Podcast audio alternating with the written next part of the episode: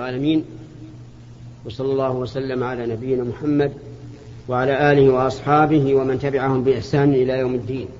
أما بعد فهذا هو اللقاء الثاني والثلاثون بعد المئتين من اللقاءات التي تعرف بلقاء الباب المفتوح. تتم كل يوم خميس. هذا الخميس هو الخامس عشر من شهر المحرم عام واحد وعشرين وأربعمائة وألف. نبتدئ لقاء هذا اليوم بما جرت العادة به من تفسير كتاب الله عز وجل. سبق في اللقاء السابق أن تكلمنا على آيات الظهار. فلنسأل الآن ما هو الظهار؟ نعم. أن يشبه الرجل زوجته بمن تحرم عليه تحريما مؤبدا. مثل أن يقول أنت علي كظهر أمي أو كظهر أختي أو كظهر عمتي أو خالتي. حكمه أنه منكر من القول وزور. كفارته إذا أراد الإنسان أن يعود إلى هذه المرأة التي ظهر منها أن يعتق رقبة. فإن لم يجد صام شهرين متتابعين. من قبل أن يمس امرأته. فإن مسها أثناء الشهرين أعاد من جديد. فإن لم يستطع أن يصوم شهرين متتابعين أطعم ستين مسكينا. هذا الظهار وهذا حكم ثم قال عز وجل إن الذين يحادون الله ورسوله كبتوا كما كبت الذين من قبلهم. الذين يحادون الله ورسوله أي يخالفون الله ورسوله فيفعلون ما نهى الله عنه ورسوله أو يتركون ما أمر الله به ورسوله أو يجمعوا أو يجمعون بين هذا وهذا. وسميت المخالفة محادة لأن هذا المخالف كان في جهة وكانت الشريعة في جهة وبينهما حد. وتسمى مشاقة أيضا كما قال عز وجل ذلك بأنهم شاقوا الله ورسوله ومن يشاق الله فإن الله شديد العقاب. قال إن الذين يحادون الله ورسوله أولئك في الأذلين أولئك أي المحادون لله ورسوله في الأذلين. ال... ها؟ نعم. كبتوا كما كبت ال... نعم كبتوا كما كبت الذين من قبلهم. كبتوا بمعنى أذلوا. وأهينوا كما جاء في آخر السورة إن الذين يحادون الله ورسوله أولئك في الأذلين. وما من إنسان يحاد الله ورسوله إلا أذله الله عز وجل. ويكون إذلاله بقدر ما حصل منه من المحادة. جزاء وفاقا. ثم هذا الذل هل يكون في الدنيا أو في الآخرة أو فيهما. الجواب قد يكون في الدنيا فقط وقد يكون في الآخرة فقط وقد يكون فيهما جميعا. المهم أن غايتهم هو إيش؟ الذل. بدل ما تعالوا عن الحق واستكبروا عنه أذلوا. كما كبت الذين من قبلهم. يعني من من حادوا الله ورسوله من الأمم السابقة. ماذا حصل لهم؟ حصل لهم الإهانة والخزي والعياذ بالله. وصارت أخبارهم تقرأ في كتاب الله عز وجل يتقرب المسلمون إلى الله تعالى بقراءة أخبارهم ويقرؤونها في صلاتهم. نعم وقد أنزلنا آيات بينات يعني أن هؤلاء الذين يحادون الله ورسوله. قد حادوا الله ورسوله عن علم لأن الله أنزل آيات بينات أي علامات على صدق الرسل وصحة رسالتهم. بينات ظاهرات. لا تخفى على أحد. ومع ذلك يحادون الله ورسوله. وللكافرين عذاب مهين. للكافرين عذاب مهين أي لكل كافر. وهنا قد يقول قائل لماذا لم يكن سياق الآية ولهم عذاب مهين؟ لأنه قال كبتوا كما كبت الذين من قبلهم وقد أنزلنا آيات بينات وللكافرين. فأظهر في موضع الإضمار للإشارة إلى أن هؤلاء الذين حادوا الله ورسوله إيش؟ كفار. وليعم هؤلاء وغيرهم. وإن كان كل من كفر فهو محاد لله ورسوله لكن ذكر الوصف أبلغ. نعم يوم يبعثهم الله. يوم متعلقة بما سبق. يعني لهم هذا العذاب المهين إذا بعثهم الله عز وجل. يبعثهم الله جميعا. لا يترك منهم نفسا واحدة. كل الخلق يبعثون. فينبئهم أي الأخ. وش معناها؟ ينبئهم. يخبرهم بما عملوا.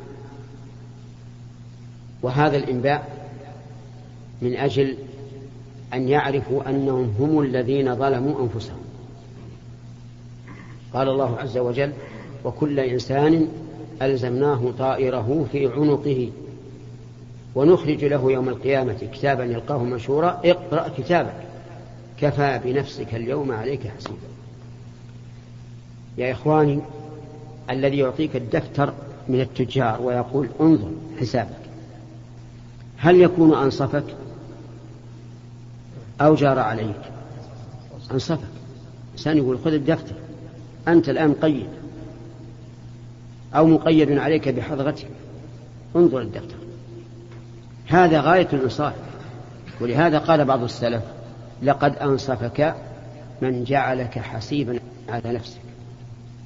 فإذا قرأ الكتاب وجد أنه لا يغادر صغيرة ولا كبيرة إلا أحصاها. أؤمن بهذه الحقيقة وأعلم أن ذلك سيكون لك. كل إنسان ألزمناه طائره في عنقه كل إنسان مؤمن ولا كافر؟ ونخرج له يوم القيامة كتابا يلقاه مشهورا اقرأ كتابه كفى بنفسك اليوم عليك حسيبا. قال الله عز وجل أحصاه الله ونسوه. أحصاه بمعنى ضبطه. مأخوذ من الحصى. لأن العرب في الجاهلية لا يقرؤون ولا يكتبون. فيضبطون الأشياء بالحصى. يعدها بالحصى. وعلى هذا جاء قول الشاعر ولست بالأكثر منهم حصى وإنما العزة للكافر. يعني أن أنهم في الجاهلية إذا أرادوا أن يعدوا قومهم عدوهم بالحصى. فيأخذ حصى بعدد القوم ثم يضعه في كيس أو إناء حتى إذا شاء أن يستعيد العدد وإذا هو كمل وإذا هو موجود. الحصى موجود. فأصل أحصاه الله يعني ضبطه. وهو مأخوذ منين من الحصى لأن الناس في الجاهلية إنما يحصون الأعداد بالحصى. أحصاه الله ونسوه. بماذا أحصاه؟ أحصاه عز وجل بعلمه وأحصاه بواسطة كتبه آه، رسله الذين يكتبون. كما قال عز وجل أم يحسبون أنا لا نسمع سرهم ونجواهم؟ بلى. ورسلنا لديهم يكتبون. يعني نسمع السر والنجوى والرسل حاضر يكتبون. أحساه الله ونسوه والله بكل شيء عليم. ها؟ والله على كل شيء شهيد. آه هذه الجملة تأكيد لما سبق من حيث المعنى يعني أن الله شهيد على كل شيء. سواء فعل أو قول أو إضمار في القلب. كل ذلك فالله شهيد عليه. والمقصود من هذا بيان إحاطة علم الله عز وجل علم الله عز وجل. ثم التحذير يا جماعة التحذير من المخالفة. لأن الإنسان إذا علم بأن الله بكل على كل شيء شهيد ماذا يصنع؟ يحذر ويكف عن المعاصي ويقوم بالواجبات. اقرأوا القرآن وأنتم تعرفون معناه. ليس المراد مجرد الإخبار بأن الله شهيد على كل شيء. هذا هذا مراد لا شك لكن ليس هو المراد فقط. المراد أن تحذر من أن يشهد الله عليك بشيء لا يرضاه عز وجل. انتبه لهذه النقطة.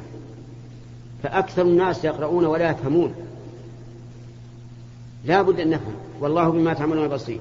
والله على كل شيء شهيد. والله بكل شيء عليم. وما أشبه ذلك. المقصود منها إيه؟ أن نعرف هذه الصفة لله عز وجل فقط أو أن نتعبد لله بمقتضاها.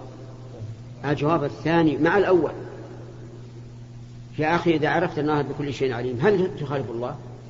لا تخالف لا في السر ولا في العلانية. إذا علمت أنه على كل شيء شهيد وأنه سينبئك بما عملت ستخشى والله تخشى. لأنك سوف تلاقي ربك عن قريب. يا أيها الإنسان إنك كادح إلى ربك كدحا. إيش؟ فملاقيه ألف تدل على قرب الشيء الترتيب والتعقيب. فملاقيه عن قرب وما أقرب الآخر من الدنيا. أحص ما خلفت وراءك من الزمن. كأنه كأنه لحظة. المستقبل كذلك سيمر بك كأنه لحظة. وإذا بك على الباب. قد لاقيت ربك. احذر يا أخي. لا تغرنك الدنيا ولا يغرنك بالله الغرور. الدنيا زائلة. كم من إنسان قطف شبابه وهو في غاية ما يكون من الفرح والمرح وفارق الدنيا. وكم من كهل قد استوى على على على الدنيا وحاز من الأموال والجاه والشرف ما لم يحوز عليه وإذا هو يدس في في التراب. أليس هذا هو الحقيقة؟ ثم ما وراء ذلك؟ وراء ذلك اليوم الموعود الشاهد والمشهود الأهوال والأفزاع. يوم يجعل الولدان شيبا السماء منفطر به كان وعده مفعولا. اللهم أحي قلوبنا بموعظتك يا رب العالمين. إخواني الدنيا ليست دار قرار. خذ هذا مسجل. ما هو ما هي دار القرار؟ الآخرة. ولهذا قال مؤمن آل فرعون يا قوم إنما هذه الحياة الدنيا متاع وإن الآخرة هي دار القرار. أكثر الناس الآن جعلوا الدنيا هي القرار ونسوا الآخرة. ولهذا قال في نفس الآية أحصاه الله ونسوه. لما مر عبد الله بن مسعود رضي الله عنه بقوم يعدون التسبيح بالحصى قال له مهلا. ما من عمل صالح تعملونه إلا وقد أحصاه الله. ما حاجة تضعون الحصى لكن أحصوا أعمالكم السيئة لتتوبوا منها. وهذا من فقهه رضي الله عنه. أنت لا تحصي أنك سبحت ثمانين أو ألف أو ألفين أو صليت على النبي صلى الله عليه وسلم. كذلك لا هذا معلوم مكتوب. ما يضيع. لكن أحصل العمل السيء. ماذا عملت من العمل السيء؟ حتى تتوب إلى الله وترجع منه. نعم الذكر المحدود بعدد حدد. مثل تسبيح خلف الصلوات. من قال سبحان الله وبحمده مئة مرة وإني لا, لا أستغفر الله وأتوب إليه مئة مرة وما أشبه ذلك. المحدد حدد غير المحدد لا تحدد. ما ضايع شيء. إنك إذا حددت ثم فخرت وقلت إني صليت على النبي صلى الله عليه وعلى آله وسلم مليون مرة. المعنى أنك مننت على الرسول. أو قلت إني ذكرت الله ألف مرة المعنى مننت على الله. لا تحدد. إلا ما حدده الشرع. والباقي أطلق. اذكر الله ذكرا كثيرا. صل على النبي صلى الله عليه وعلى آله وسلم كثيرا. وكل شيء محسن. نسأل الله أن يرزقنا وإياكم الاتعاظ بالآيات الكريمة والأحاديث النبوية والمخلوقات العظيمة. إلى الأسئلة الآن. نبدأ باليمين. شيخ بسألك بخصوص الفتور أسبابه وعلاجه الدين. شوي ساعات الواحد يحوش ضعف في الدين. حينما الإنسان؟ الإنسان لا يمكن أن يكون على وتيرة واحدة. حتى الصحابة قالوا يا رسول الله إننا عندك يعني نتعظ ونؤمن وإذا ذهبنا إلى أهلنا وعافسنا النساء والأولاد نسينا. فقال ساعة وساعة ما يمكن الإنسان أن يكون على وتيرة واحدة لكن يحافظ الإنسان على صلاح القلب. وإذا صلح القلب صلح الجسد كله. يدع الخوض فيما لا يعنيه. يدع النزاع الذي لا فائدة منه يدع التحزب الذي فرق الأمة ويقبل على الله عز وجل. ولهذا ترى العامي خيرا في عقيدته وإخلاصه من كثير من طلاب العلم الذين ليس لهم هم إلا الأخذ والرد والقيل والقال وش تقول فلان؟ وش تقول فلان؟ وش تقول بكتاب فلان وش تقول بكتاب فلان هذا هو الذي يضيع العبد. ويصرف قلبه عن الله عز وجل ولا يجعله هما إلا القيل والقال. فنصيحتي لكل إنسان أن يكون مقبلا على الله عز وجل وأن يدع الناس وخلافاتهم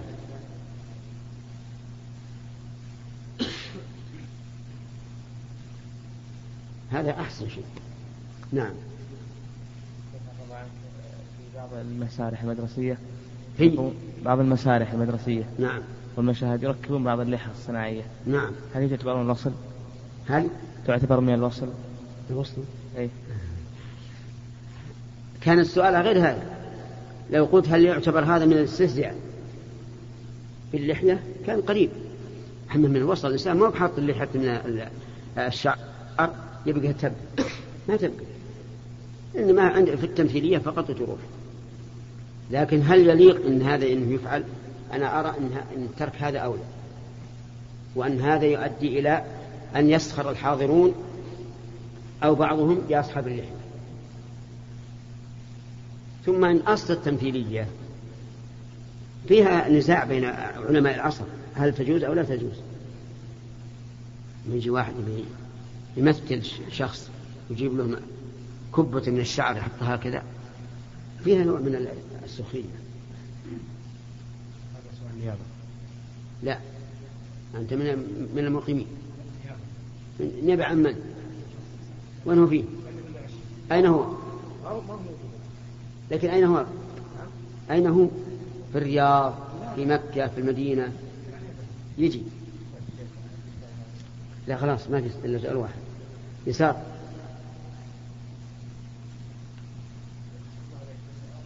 دوام نعم. الصباح دوام. دوام. السلام المصافحة يوميا ما رأيك فيها شيء؟ إيش؟ المصافحة باليد يوميا ما رأيك فيها؟ إذا لقيت أخاك فصافح. هذا طيب. لكن الشيء الذي أحدثه الناس ولا أعلم له أصلا في السنة أنه إذا دخل المجلس قام يصافحهم واحد واحد يمر عليه. هذا ليس من السنة. لأن النبي صلى الله عليه وسلم كان يدخل المجالس ولا يصافح الناس وإنما ينتهي يجلس حيث ينتهي به المجلس. وخير الهدي هدي رسول الله صلى الله عليه وسلم. ومشايخنا السابقون ما يفعل ما يفعلون هذا ولا يفعل عندهم أيضا. لكن حدث هذا من بعض الإخوة المستقيمين ظنا منهم أن هذه المصافحة كالمصافحة مع الملاقاة وليس كذلك. الملاقاة كل واحد يلاقي الثاني. أما هذا رجل دخل على دخل على أناس جالسين. فهل الرسول عليه الصلاة والسلام إذا دخل يسلم على الناس واحدا واحدا؟ من كان عنده سنة بهذا فليخبرنا بها.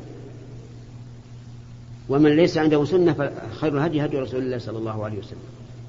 كذلك أيضا بعض الناس إذا دخل بدأ باليمين من عند الباب ولو كان أصغر القول. وهذا غلط. إذا دخلت فابدأ بالأكبر كما جاء في الحديث عن النبي صلى الله عليه وسلم. ثم بمن عن يمينك. إنما تبدأ باليمين إذا كانوا عن جنبيك واحد عن يمينك وواحد عن شمالك. تبدأ باليمين ولو كان أصغر. أما عند الدخول وإعطاء القهوة أو الشاهي والبخور فابدأ بالأكبر. ثم بمن عن يمينك حتى تنتهي ثم عد إلى من على يسار من على يمين الأكبر وخذهم واحدا واحدا نعم. لا ما في استفسار واحد بس الناس كل يبي فضيلة الشيخ ما نصيحتك لمن هم على أبواب التخرج من الجامعة؟ في من؟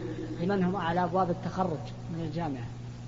والله نصيحتي لهم أولا أن يشكروا الله عز وجل أن أوصلهم إلى هذا المستوى. ثانيا أن يجتهدوا في نشر العلم الذي ألهمهم الله إياه. في كل مناسبة. ثالثا أن يكونوا قدوة في الأخلاق ومعاملة الناس. لأن بعض طلاب العلم الآن أجفى من الأعراب. لا عنده بشاشة ولا تسليم ولا تواضع. بل بعض الناس كلما ازداد علما ازداد كبرا والعياذ بالله. والعالم حقا هو الذي إذا ازداد علما ازداد تواضعا. ثم لا حرج عليهم أن يقدموا في الوظائف ولا يقال إن هذا من باب السؤال المذموم لأن كل إنسان وده يعمل ينفع الناس. فإذا قدموا فلا حرج لا سيما إذا نووا بذلك أن يتبوأوا مكانا ينفعون به عباد الله. بعد. جزاك الله خير. إحنا من الكويت مرات يعني نطلع طراد قارب نروح بحر. فنكون مجموعة كثير يعني سبع أشخاص. فنكون سبع أشخاص يا شيخ جزاك الله خير. فبالصلاة إذا نصلي وقت الصلاة يعني نكون صفوفنا مو متساوية يعني في متقدم في متأخر. فلا بأس يا شيخ لو تقول قيم جماعتين أو كل من يصلي بروحه. يعني ليش؟ لأن القارب صغير. اي صغير يا شيخ ما يفيد يعني.